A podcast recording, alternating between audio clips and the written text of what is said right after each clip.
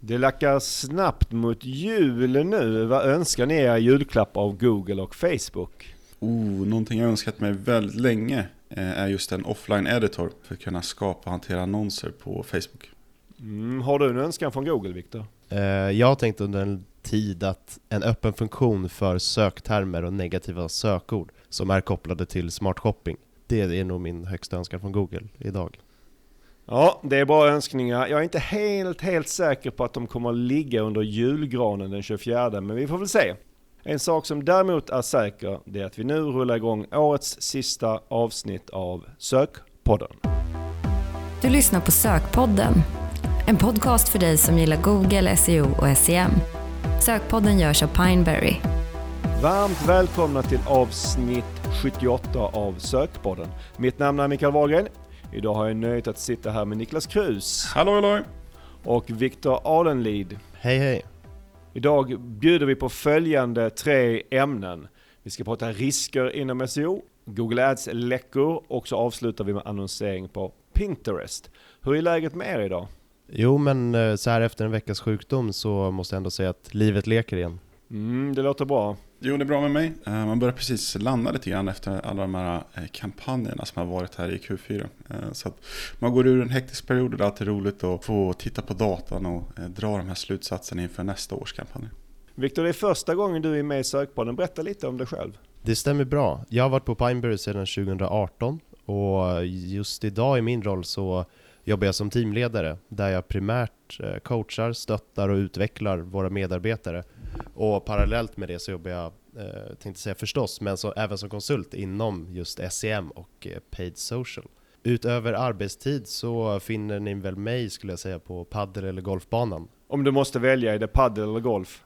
Den är jättejobbig men jag skulle nog ändå säga det, det får bli långsiktigt golf faktiskt. Det, Mm. det ligger närmast hjärtat och under en längst tid. Mm. Varför blev det digital marknadsföring för dig? Min bakgrund baserar sig i en utbildning eh, inom digital marknadsföring eh, på en skola här i Stockholm.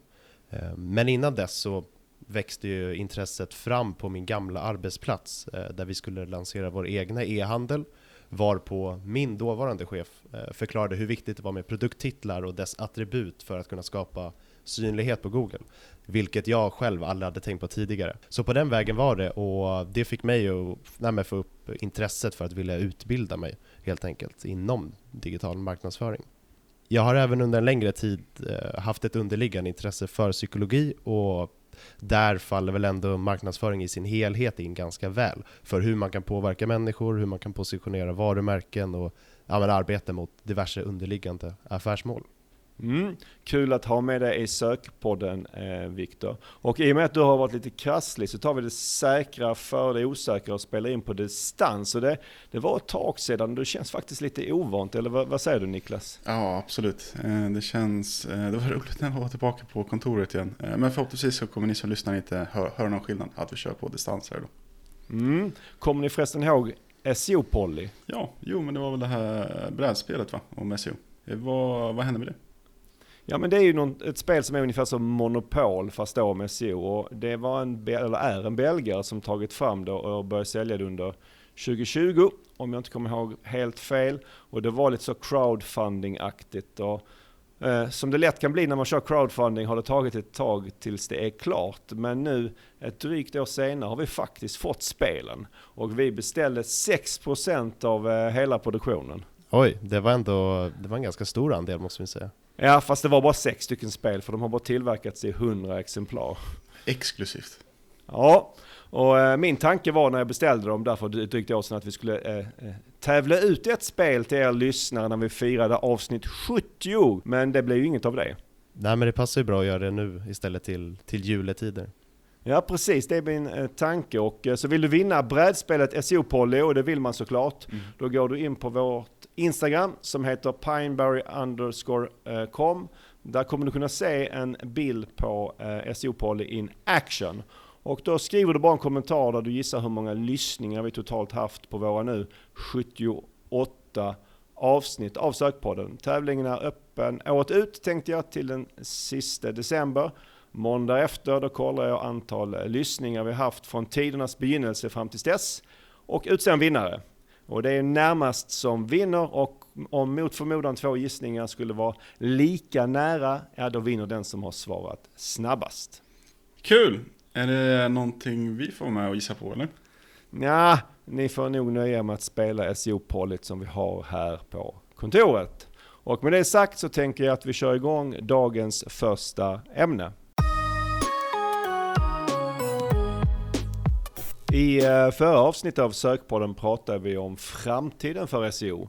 Idag tänkte jag att vi skulle prata om risker inom SEO istället. Låter som ett intressant ämne. Ja, och när jag funderade igenom vad vi skulle ta upp så insåg jag ganska snabbt att vi måste nog avgränsa oss. För det går ju att vända nästan allt inom SEO till en risk. Det är ju en risk att inte ha rätt sökord, att inte ha innehåll, att inte ha länkar och så vidare. Och så vidare. Ja, det kan bli en riktigt lång lista. Ja, så jag tänkte att vi skulle prata utifrån ett scenario där vi tänker oss en sajt som redan har en bra synlighet organiskt och vad man i detta läge ska vara orolig för att det skulle kunna hända som skulle kunna försämra den synlighet man då redan har. Absolut, det låter bra. Vi kommer att ta upp 11 stycken risker. Det finns naturligtvis många fler, men dessa 11 saker som vi ofta stöter på eller kanske ofta får frågor om. Ja, det är bra att vi är supertydliga med det. Det här är absolut inte de 11 största riskerna per se, utan 11 saker som vi ofta får frågor kring just inom SEO. Och eh, vi tänkte vi börjar med några punkter kring innehåll och den första handlar om att risken eh, när någon stjäl ditt innehåll och publicerar det på sin egen sajt. Vilket, eh, om jag förstår rätt, är väl olagligt? Jo det är det ju, och, eh, men trots det så händer det ju ändå titt som tätt. Och antingen kanske att ens konkurrenter tar ditt innehåll utan att riktigt tänka sig för, eller att det är någon som systematiskt scrapar ditt innehåll. Är detta något som vi tycker att man ska vara eh, orolig för? Ja, alltså det är såklart inte bra. Eh, men samtidigt på att det händer så pass ofta ändå att innehåll stjäls från sajten. Eh, och att det i sin tur inte alltid leder till en försämrad ranking för den som har blivit bestulen. Skulle jag säga att det kanske inte är den absolut största risken, men absolut någonting man ska vara vaksam kring. Mm. Och eh, det händer ju titt som tätt ändå att vi blir kontaktade av sajter som har drabbats negativt av det här. Ja, jag håller med och äh, detta är väl kanske en sak som till viss del kanske upplevs lite värre eh, än det är. Och det kanske är till viss del känslomässigt också, att man inte gillar att bli bestulen. Men jag tänker väl, även om det inte kanske drabbar dig eh, SEO-mässigt, så tycker jag, alltså om det går så ska man väl ändå kontakta de som har stulit ditt innehåll för att få dem att ta bort det. För man vill ju oavsett inte att de ska använda det. Mm, absolut, jag håller verkligen med om Viktor, så är det. Eh, och jag tänkte här att vi fortsätter med dolt innehåll. Detta är något som för sig 10-15 år sedan nog skulle klassats som hög risk. Eh, hur ser vi på det idag? Oj, här får man ändå säga att det har hänt en hel del eh, sen jag började med SEO. Jag kommer ihåg back in the day så var det någonting man pratade om väldigt frekvent, just att dölja innehåll, att hur, hur skadligt det kunde vara för sajten. Här så ser jag eh, Google idag rekommenderar ju nästan att vi lägger visst innehåll bakom eh, sådana här tabbar, till exempel för att kunna mobilanpassa sajten bra de har väl varit eh, tvungna att ändra sig i samband med den mobila revolutionen. Och det finns ju mycket mindre plats på mobilen och då kan det vara ganska rimligt att egentligen lägga en del innehåll så att det inte direkt är synligt. Ja precis, och jag är personligen kanske inte ett stort fan av att dölja innehåll, men jag ser heller inte någon numera en större risk med det. I alla fall inte så länge det handlar om en begränsad del av en sidas innehåll och som då döljs bakom Eh, en tab eller något liknande.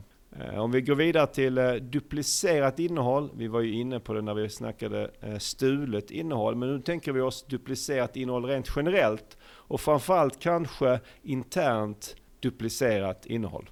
Och här handlar det ju någonstans om mängden duplicerat innehåll som man har. För alla större sajter så finns det ju alltid en viss mängd duplicerat innehåll. Det är ju jättesvårt att komma, komma ifrån det eller att rensa ut det helt. Ja, och Google har ju ett visst tålamod eh, med duplicering också. Precis, och så risken ökar med mängden duplicerat innehåll du har. Och har du en liten sajt och ett litet duplicerat innehåll, ja, men då är det väldigt liten risk. Däremot är det en stor sajt med mycket duplicerat innehåll, ja det är här det faktiskt börjar bli en stor risk för eh, sajtägaren. Mm. Vi går rast vidare till intern konkurrens. Skulle ni säga att det är en stor risk? Ehm, bra fråga. Jag skulle säga att det är otroligt vanligt att vi springer på intern konkurrens. Ehm, sen om det är en stor risk beror på lite grann. Intern konkurrens eh, kan ju leda till att vi rankar sämre. Men det vanligaste problemet kanske är att, att det är fel sida, eh, inom situationstecken då, som, eh, som rankar på det här sökordet. Vilket ju kan vara ett problem i sig då det kanske inte påverkar trafiken lika mycket, men å andra sidan konverteringsgraden. Ja, ja, jag håller med. Och om man ser på enskilda sökord så kan absolut intern konkurrens vara en stor risk. Men ser man på en sajts totala synlighet, om man då tänker sig en sajt med många sidor, mm. då kanske det inte är en lika stor risk för att det är inte ofta som det är så många sidor på sajten kanske som drabbas av intern konkurrens. Sen har vi det här med länkspam. Det vill säga att en sajt får massa skräplänkar mot sig. Inte sällan kinesiska eller ryska. Och det här är väl också ett område där det har ändrat sig lite över tiden? Ja, verkligen. Tidigare såg man titt som tätt exempel på att det lönade sig då med länksabotage. Det vill säga att man lyckades försämra för en konkurrent genom att skicka på dem eh, spamlänkar. Ja, jag kommer ihåg det var på Twitter om jag inte kommer ihåg helt fel, eh, för några år sedan där det var ganska eh, hetska eh, Twitter-trådar om just eh, det här. Ja, det var, det var ganska många år sedan där, men det är nästan som man saknar det till viss del. Men bara nästan, för det är faktiskt mycket bättre idag. Mm. Och jag upplever att Google är mycket, mycket bättre på att bara ignorera den här typen av länkspam. Vilket i sin tur då gör att risken att drabbas av det negativt är betydligt lägre eh, än tidigare. Är det då ändå lönt att eh, dissa Wawa? Mm, det är en bra fråga, men jag tycker nog det. Om inte annat för att du sover bättre eh, vetandes att du har gjort det. Men med det sagt, är det väldigt, väldigt mycket spam eh, så kanske det känns lite orimligt. Och ibland kan det vara väldigt mycket spam. Jag såg själv en, en stor svensk sajt eh, förra veckan som hade fått länkspam från ah, det var mer än 15 000 olika länkande domäner över ett års tid. Och det kontinuerligt kom nytt länkspam. Och där är det väl ja, tveksamt om det är värt tiden att försöka disavowa allt hela tiden. Mm. Eh, så det är väl en, en kantboll i vissa fall om det är värt det. Ja, om man orkar så är det ju väldigt bra om man regelbundet kan se över det. Men samtidigt som du är inne på, det kanske inte är det jag skulle ha lagt min, primärt min tid på eh, i det här fallet. Mm. Sen har vi utlänkar. Ja, eh, och det är ska säga, kanske en av de vanligaste frågorna vi får om det är farligt eller dumt att länka ut från sajten. Ja, här eh, tycker jag man kan nästan börja med att man kan se det på lite olika sätt. Och vi kan börja med det faktum att det kostar länkkraft när du länkar ut. Och så är det ju. Mm. Men detta ser jag inte riktigt som en risk. Eller i alla fall inte som den typen av risk vi pratat om tidigare här idag. Och jag personligen då tycker dessutom att hela internet bygger på att vi länkar till varandra. Så jag tycker det kanske är värt kostnaden då i länkkraft att länka ut. Men då menar du alltså att det är riskfritt att länka ut? Ah, det finns väl ingenting som är riskfritt. Då har du massa utlänkar, låt säga i din sidfot med sökord som ankartext till sidor som inte riktigt är relevanta för din sajt, ja då är det ju såklart en risk. Men om du länkar ut på ett rimligt, ett vanligt sätt, då skulle jag säga att det inte är en direkt risk. Nu blir det långsamma sajter en annan potentiell risk. Hur eh, ser vi på det?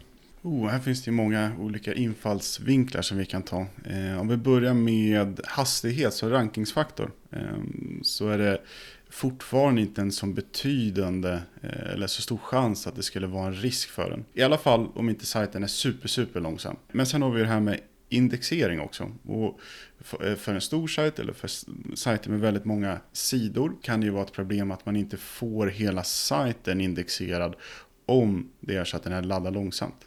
Mm. Jag kollade häromveckan på en sajt som hade ett antal miljoner sidor där kanske 75% av dem inte var indexerade. Och så det handlar om ett par miljoner sidor som inte var indexerade.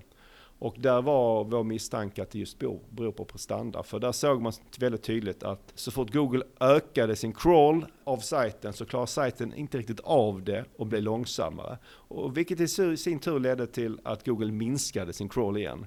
Så hastighet i vissa fall då kan ju vara en stor risk. Mm. Hur är det förresten med 404? Är det en betydande risk? Även här handlar det väl om mängd. Eh, några få 404 är väl kanske inte hela världen, men om det successivt byggs på så blir det ett problem på sikt. Ja, verkligen. Eh, dels för att många 404, 404 sidor sänker Googles eh, helhetsintryck av sajten. Men såklart att det är många sidor som tappar sin ranking när de inte fungerar, när de ger svarskoden 404. Så här är det superviktigt att minimera sina 404 på sajten. Nu tänkte jag slänga in Googles uppdateringar. Hur ser ni på dem från ett riskperspektiv?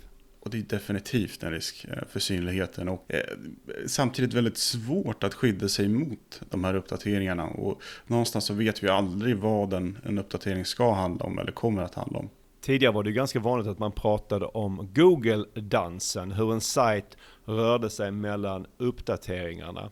Och jag tycker det är en ganska bra beskrivning av hela ens SEO-arbete på något sätt. För ens ranking kommer ju inte vara konstant, det är det enda vi kan vara helt säkra på. Och ser du det på lång sikt kommer du sannolikt uppleva perioder där det är en väldigt trevlig dans, där ranking går uppåt vid eh, olika uppdateringar. Men sen kommer det också vara perioder där, det, där den kommer gå neråt. Och det här måste ju vara något som är ganska jobbigt att hantera som SEO-are.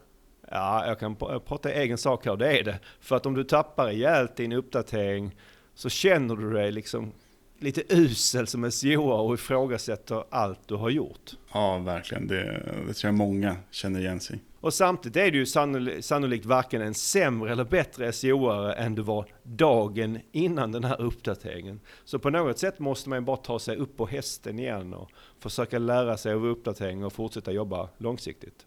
Och och att Googles uppdateringar faktiskt är en betydande risk, det är någonting man inte minst märker eh, om man tittar på det eh, på olika sociala nätverk, till, exempel Twitter, där det twittras en hel del när det kommer sådana här typer av uppdateringar. Eh, så det är alltid lite av ett, ska man säga, spänt läge när det kommer stora uppdateringar. Även om det ofta är svårt att veta exakt vad som faktiskt har hänt i den här uppdateringen.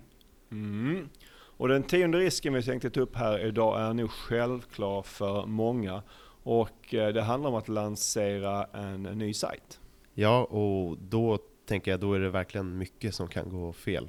Verkligen, det är en uppsjö av saker som kan gå fel när man bygger en ny sajt. Vi kommer inte gå in på alla de här idag, men vill man grotta ner sig i det så hade vi SEO-migreringar som ämne i avsnitt 59.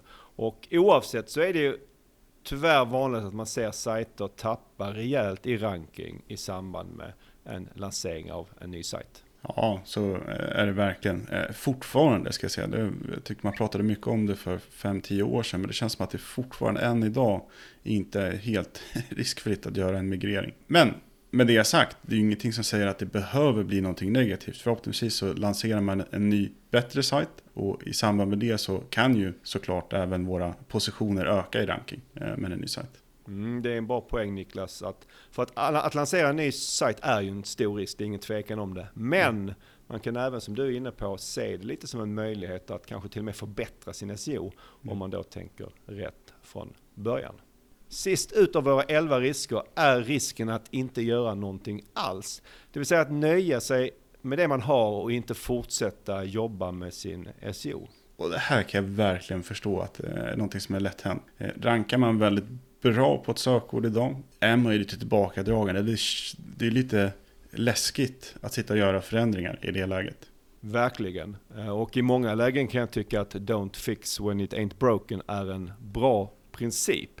Samtidigt inser jag ju att det är ju inte långsiktigt hållbart när det gäller SEO. Nej, precis. Och kortsiktigt, absolut. Det kan ju finnas en, en tanke med att inte sitta och förändra för mycket när du rankar väldigt bra. Men tittar vi långsiktigt så kommer det ju inte på något sätt lönas av att sluta arbeta med en SEO. Utan det här är någonting du kontinuerligt kommer behöva jobba med. Mm, ja men så är det. Och det är minst sagt en hög risk om du rankar bra idag, att då chansa på att inte göra något SEO-arbete och hoppas att mm. du rankar fortsatt bra om ett par år eh, längre fram. Tur är väl det. Det hade jag tänkt att det hade varit tråkigt om man var helt färdig med sin SEO och att det inte fanns något mer att göra. Eh, då hade väl inte vi haft så mycket jobb heller. Nej, verkligen. Det är en av eh, ska säga, charmen med SEO, att man eh, aldrig blir färdig, utan det finns alltid någonting man kan göra bättre med sajten. Mm. Och det var våra 11 SEO-risker för idag. Och som vi nämnde i början är det långt ifrån alla risker. Och, eh, utan det är snarare några av de vanliga riskerna som vi får eh, frågor om. Och eh, med det så går vi vidare till dagens andra ämne. Nu ska vi prata om Google Ads-läckor. Jag brukar likna eh, Google Ads vid IKEA. Ni vet, man kommer dit för att köpa en grej, men man kommer hem med fem eh, saker till. Och där, det är hög igenkänning på den. Samtidigt så är det så, alla affärer eh, vill jobba. De vill ju maxa varukorgen. Ja, och det är inte konstigt att Google gör samma sak som eh, IKEA egentligen. Nej, verkligen inte. Och med läckor menar vi här idag att man köper på sig trafik som inte kanske helt och fullt är relevanta för sitt företag. Och vi kommer att ta upp ett antal funktioner i Google Ads där vi anser att det är extra stor risk för eh, läckage. Vi kanske ska börja med att säga att bara för att en funktion riskerar att läcka eh, så betyder det ju inte nödvändigtvis att det inte är en funktion man ska jobba med. Eh, men man måste vara medveten på det och agera därefter helt enkelt. Precis Niklas, det är en jättebra eh, poäng. Och jag tänkte att vi börjar med DSA, eh, Dynamic Search Ads. Vi använder ju DSA ofta och gillar det trots att det riskerar att läcka.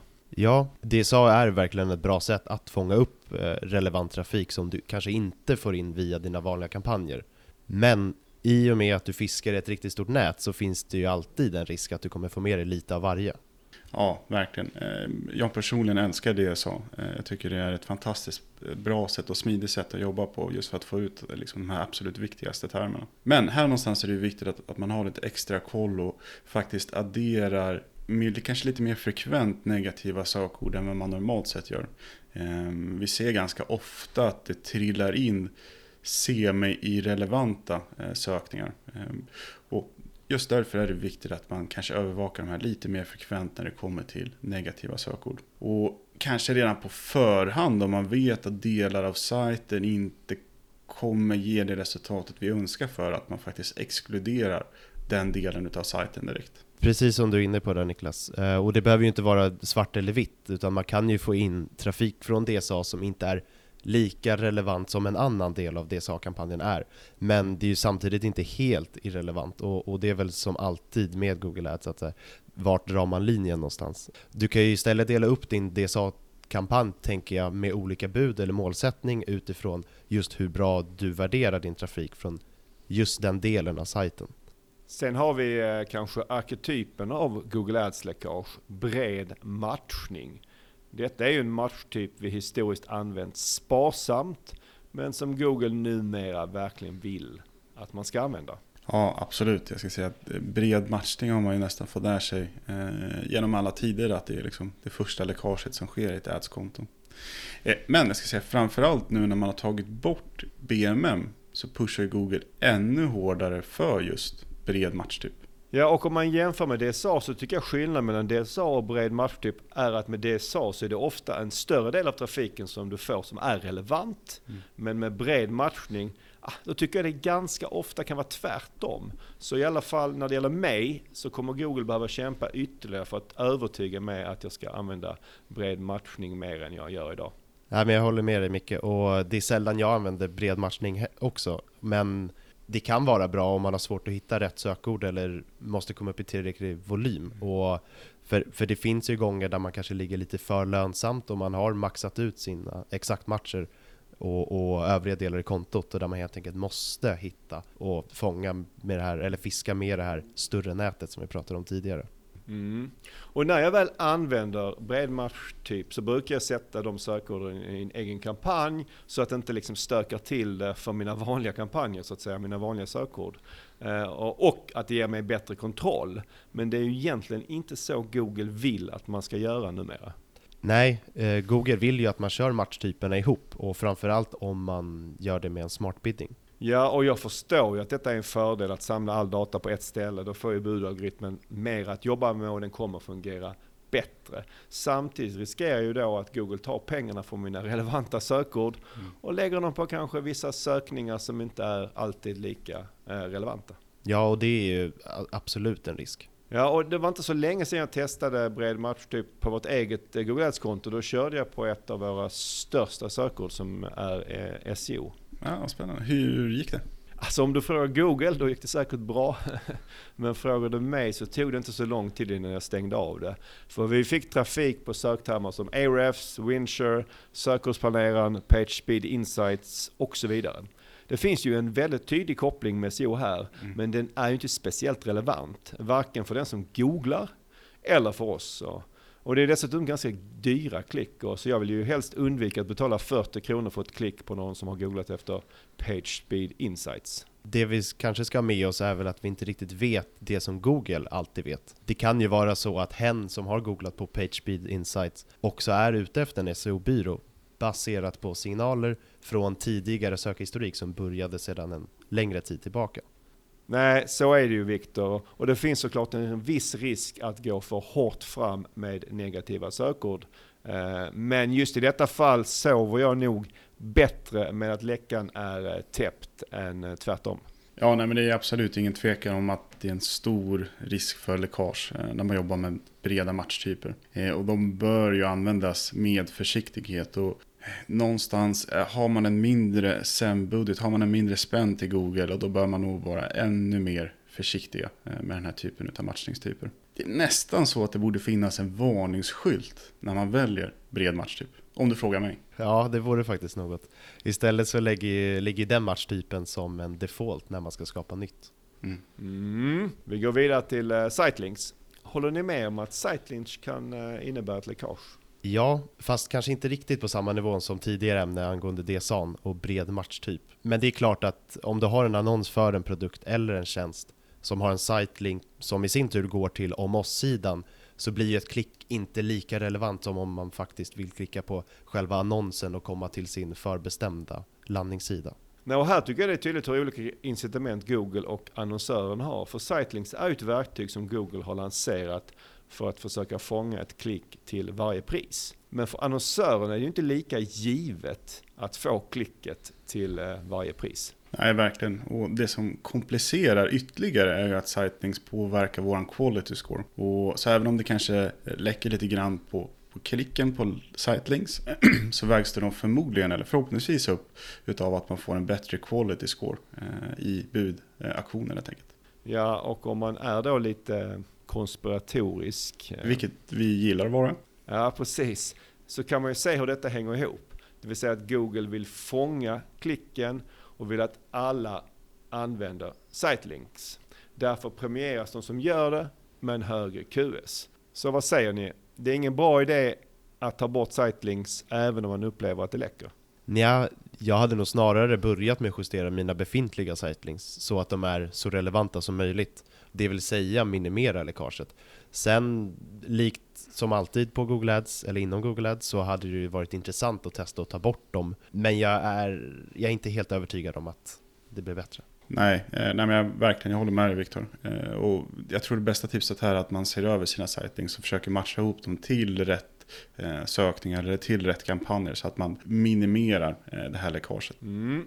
Sen har vi eh, det här med geografi som ju också kan eh, vara en läcka. Ja, verkligen. Och här är det lite grann beroende på vilket företag man är. Ehm, är man, jobbar man internationellt eller nationellt, eh, ja då kanske det inte spelar lika stor roll. Däremot om man jobbar väldigt lokalt, ja, då blir det ju väldigt viktigt att man har rätt upptagningsområde på sina Google Ads-kampanjer.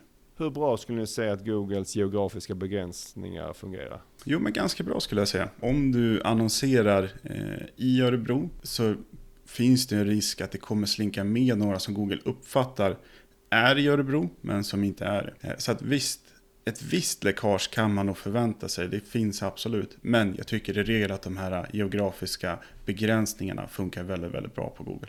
Och lite närliggande med geografi har vi ju demografi. Hur ser vi på det? Ja, här finns det ju precis som geografi, geografi väldigt mm, potentiellt stora läckor. Om vi som annonsör mm, annonserar på ett specifikt sökbeteende eh, som finns i hela befolkningen, till exempelvis skor, eh, men våra skor, våra produkter riktar sig till en viss målgrupp, säg män 60 plus, ja men då finns det ganska många läckor att täppa till här ganska snabbt. Vi kan ju välja att begränsa eller bara välja att fokusera på den här core-målgruppen. Ja, och det behöver heller inte vara så här svart eller vitt. För när det gäller vår egen annonsering så vet vi att våra kunder ofta är i en viss ålder. Men de kan mer eller mindre vara i alla åldrar. Så då har vi historiskt jobbat med budjusteringar utifrån ålder för att på något sätt hantera läckaget. Mm. Men när vi gick över till smart bidding så då går det ju tyvärr inte längre. Nej, då lämnar man ju, eh, lämnar ju det, det ansvaret till Google lite grann att bedöma det. Ja, och i det här fallet så litar jag inte helt och fullt på att Google har tillräckligt med data för att kunna göra den bedömningen att de kan förstå det i samband för vår del. Och jag tycker faktiskt det är lite synd att man inte kan addera den typen av information till Google när man kör smart bidding. Eh, Att man kan dela med sig av sina insikter på något sätt. Det låter som att det här kanske är den julklappen du önskar dig av Google. Ja, det, det hade jag faktiskt blivit väldigt glad om jag hade fått. Och eh, vi går vidare till display och vi kan väl börja med funktionen att inkludera display i sökkampanjer. Jag tror kanske inte så många av våra lyssnare här på Sökpodden gör detta, eh, men vi ser det titt som tätt i konton som vi dyker in i. Och problemet här är nog oftast att man inte riktigt är medveten om vad det faktiskt innebär. Eh, att man inte riktigt förstår att en del av pengarna kommer att gå mot displayplaceringar istället för söknätverket. Nej, verkligen inte. Och eh, här är det ju viktigt någonstans att man kommer ihåg eller förstår att inte jämföra de här rakt av. Det går liksom inte att jämföra display och sök rakt av på det sättet. I regel kan man ju säga att det är två helt olika kanaler. Jobbar vi med sök, men då är det pullmarknadsföring. Här är det vi som fångar kunder som söker efter våra produkter eller tjänster. Display å andra sidan, här är det ofta väldigt mycket push marknadsföring. Här är det vi som vill skapa ett behov, skapa ett intresse för en produkt eller tjänst. Ja, risken är väl att om man jämför sök och display rakt av, då kommer ju all display se ut som läckage. Ja, ja men exakt. Exakt så det kommer se ut. Eh, och då är det viktigt att komma ihåg då att det är två helt olika saker vi jämför. Och det viktiga här är väl att man separerar det och kanske inte kör det i samma kampanj så att man får möjligheten att jobba med det separat, sätta separata mål för det, separata budgetar och så vidare och så vidare. Mm. Och om vi fortsätter lite här på displayspåret. I, ehm, I rena displaykampanjer där är ju appar och framförallt kanske appar riktat till barn något att eh, se upp med. Ja, absolut. Och för många, många år sedan vet jag att det här var ett ganska ett relativt stort problem inom display. Då var det något man jobbade väldigt, väldigt mycket med. Eh, jag upplever kanske att det har blivit lite bättre med tiden. Eh, men det kan absolut vara ett problem även idag. Och här någonstans gäller det att man eh, verkligen säkerställer att budgeten inte läcker iväg eller budgeten äts upp utav irrelevanta klick. Utan att man istället fokuserar på de relevanta klicken så att säga. Och en annan sak som har hänt eh, genom åren här är att, att exkludera de här apparna har ju blivit krångligare. Mm. Eh, och man kan ju undra varför Google gjort det svårare att täppa till eh, läckorna här. Ja, det är som alltid, vi gillar att vara lite cyniska, men man kan absolut, visst kan man undra. Och eh, jag tänkte att vi ska avsluta här lite med Discovery Ads. Vad säger vi om dem Viktor? Eh, Ja, Google har ju på senare åren adderat ett antal nya format och däribland likt Discover Ads där annonserna placeras på olika placeringar i form av sök, display, YouTube och så vidare. Och det går ju inte att komma ifrån att det är en bra grogrund för läckage. Verkligen, och det här är ju eh, absolut ett hål, lite av ett svart hål, eh, som nästan är helt omöjligt att täppa till. Ja, och här handlar det väl kanske mer om att se rätt till den totala lönsamheten för dig. Och om, om svaret är ja, att du är lönsam, så får du nog bara acceptera att det är ett visst läckage. Eh, Men du slipper i alla fall att se det. Kan alltid vara skönt att slippa se det. Och på tal om det här, är målet att täppa till alla läckor? Ja, så, som vi var inne på innan så finns det ju vissa risker såklart med att du täpper till allt för hårt och eh, även att du tar bort bra trafik. Så ett eh, litet läckage är egentligen bara bra. ja, alltså det handlar väl mer om att du ska täppa till på rätt ställe där det verkligen läcker dålig trafik och inte på de andra ställena. Okej, vad bra. Där sätter vi punkt för våra Google Ads-läckor. Och så går vi vidare till dagens eh, sista ämne. Nu ska vi prata om annonsering på Pinterest. Eh, vi har tidigare i sökpodden pratat mycket om annonsering i sociala medier, men då har det främst gällt Facebook och till viss del Instagram. Varför har det varit så? Oh, eh, det har nog varit många anledningar till det. Eh, primärt är ju att Facebook och Instagram är ju jätten, eh, eller har varit jätten inom sociala medier. I regel är det där mm, det har funnits mest värde att prata om det, just för att de flesta av de som lyssnar på den här podden jobbar aktivt med Facebook och Instagram. Men med det sagt så finns det ju andra sociala kanaler eh, som är minst lika intressanta att titta på ur ett annonseringsperspektiv. Så det ska bli kul här idag att få prata lite Pinterest. Skulle du säga att det handlar även till viss del om att Facebook inte är lika intressant? Ja, jag vet inte om jag eh, riktigt skulle säga. Facebook är ju fortsatt det naturliga valet för de allra flesta annonsörer. Eh, och här någonstans är det viktigt att komma ihåg att det behöver liksom inte vara antingen eller. Jag tycker vi ser en väldigt tydlig trend just nu att företag tittar på fler sociala kanaler än vad man har gjort tidigare. Tidigare kanske man la alla ägg i, i en korg så att säga hos Facebook och Instagram. Idag breddar man kanalutbudet och tittar på fler plattformar. I takt med det här så handlar det väldigt mycket om att de här annonsplattformarna i sig har blivit lättare att jobba med. Det har blivit bättre bokningssystem, vi kan köpa det här utrymmet på ett mer effektivt sätt än vad vi gjort, kunnat göra tidigare. Vilket gör att såklart också att vi når de här önskade resultaten som vi måste ha för att jobba med de här typen av kanalerna. De kanske inte är riktigt där, där Facebook och Instagram är. Eh, de har en bit kvar, men de börjar, eh, de börjar komma upp i, i, eh, i den nivån nu ska jag säga. Mm. Och att det blev just Pinterest idag beror lite på dig Viktor, eller hur? Du har ju jobbat en del med annonsering där och vad är det som du gillar med Pinterest? Först och främst så gillar jag plattformen Pinterest på ett personligt plan. Ehm, jag använde det själv inför min badrumsrenovering här hemma för ett par år sedan. Där jag försökte just hitta inspiration och jag hade väl en så här lite diffus bild om hur jag ville ha det. Men det blev klarare och klarare när jag hittade inspiration därifrån, den plattformen. Men sen handlar det såklart om att jag upplevt ett bra resultat av annonseringen. Ehm, något som jag tycker att man bör ha i åtanke när det gäller Pinterest är att personer som rör sig på den plattformen är i regel i ett öppet sinne där man söker något nytt och man söker en typ av inspiration.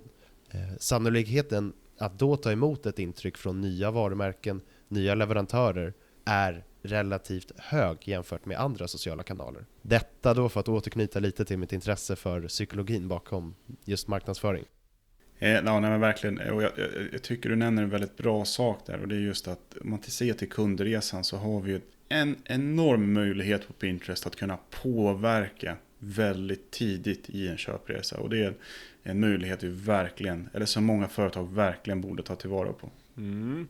En fördom mot andra sociala kanaler än kanske just Facebook är att CTR är dålig, till och med kanske väldigt dålig. Stämmer det även för Pinterest? Ja, till viss del så stämmer det väl även för Pinterest. Facebook är ju unikt på det sättet att där finns det ett naturligt beteende att klicka ut som kanske inte riktigt finns på samma sätt i de andra sociala kanalerna. Och av de skälen så blir ju CTR lägre. Med det sagt så upplever jag dock att Pinterest är relativt klickvänligt, även om du kanske inte riktigt får lika hög CTR som på Facebook. Absolut, och samtidigt så är det ju svårt att utvärdera en kanal på bara CTR. Här får man också väga in eh, CPM. Och här ser vi ju att den är i regel ganska mycket lägre på Pinterest än på Facebook. Hur mycket lägre skulle vi säga att den är? Det är såklart lite olika från fall till fall, men den är klart lägre. En annonsör som jag jobbade med nyligen så skilde det sig ungefär 80% där till fördel Pinterest då, som var lägre. Och som vi antar att det är 80% lägre CPM och en något sämre CTR, då handlar det om att klicken, ja, säg att de kostar ungefär hälften så mycket som på Facebook, så det är lite halva priset.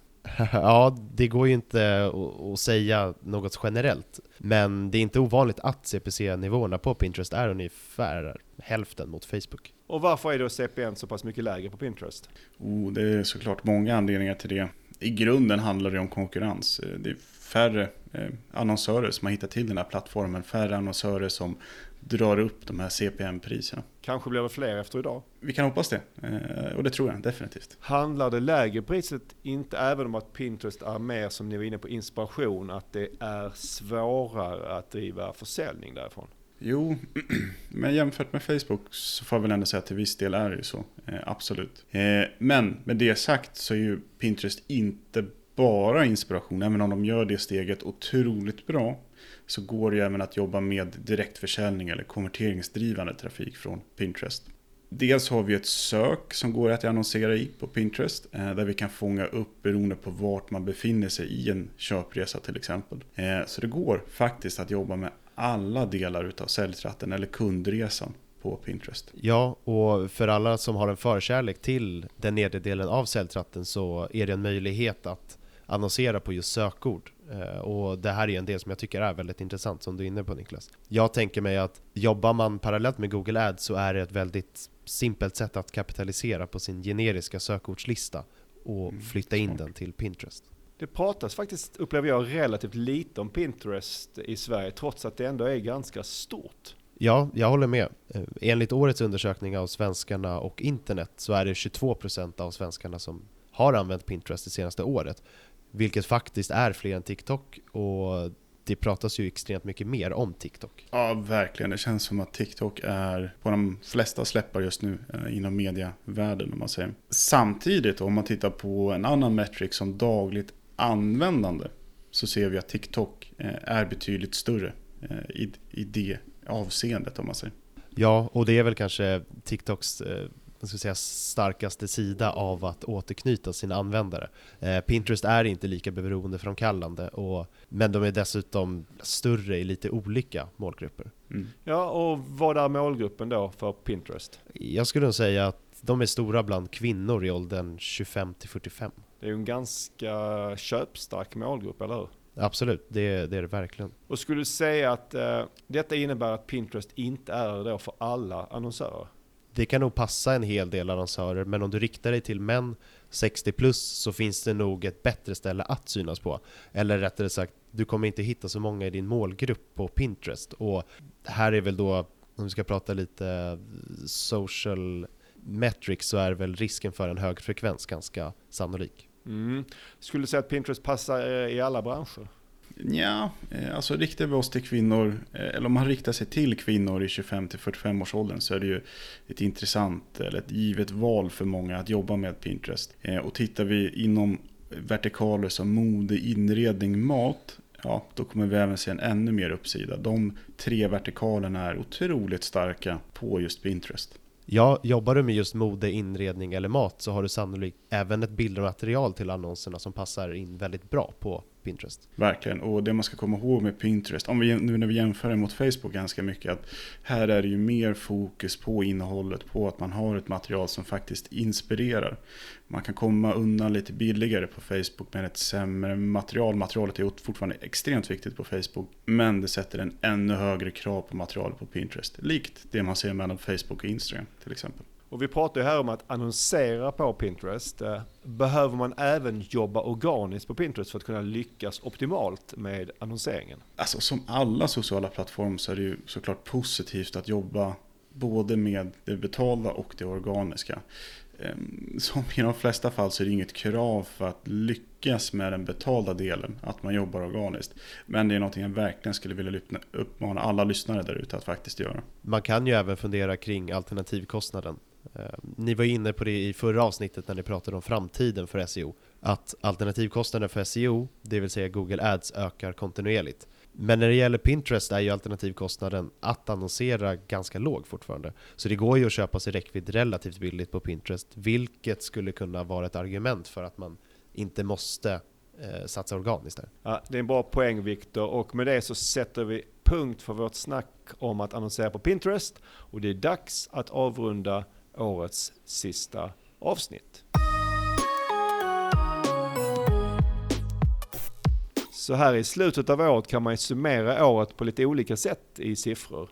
För mig är en av de absolut roligaste siffrorna hur många nya kollegor vi blivit på Pineberry. Och eh, under 2021 har vi fått 17 nya kollegor. Fantastiskt kul! Ja, och fler ska vi bli.